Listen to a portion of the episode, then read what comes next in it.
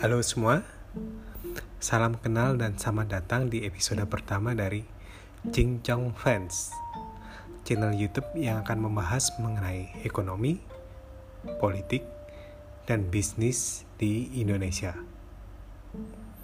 Hari ini topik utama kita adalah mengenai hutang Indonesia.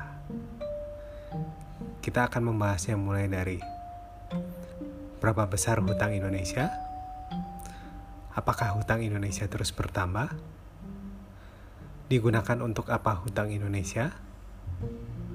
Dan kenapa Indonesia terus berhutang jika Indonesia adalah negara kaya? Hutang Indonesia Saat ini hutang Indonesia sebesar 413,4 miliar dolar. Atau jika kita bagi dengan jumlah penduduk Indonesia, sebesar kira-kira 250 juta penduduk, maka setiap orang Indonesia berhutang sebesar 24 juta rupiah.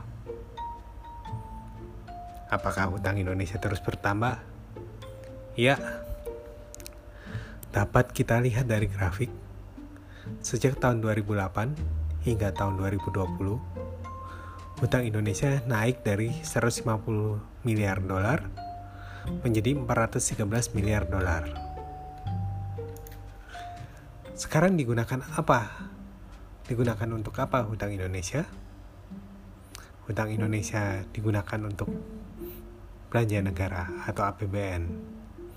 Kita coba lihat APBN tahun ini. Apa saja penggunaan APBN? Dapat kita lihat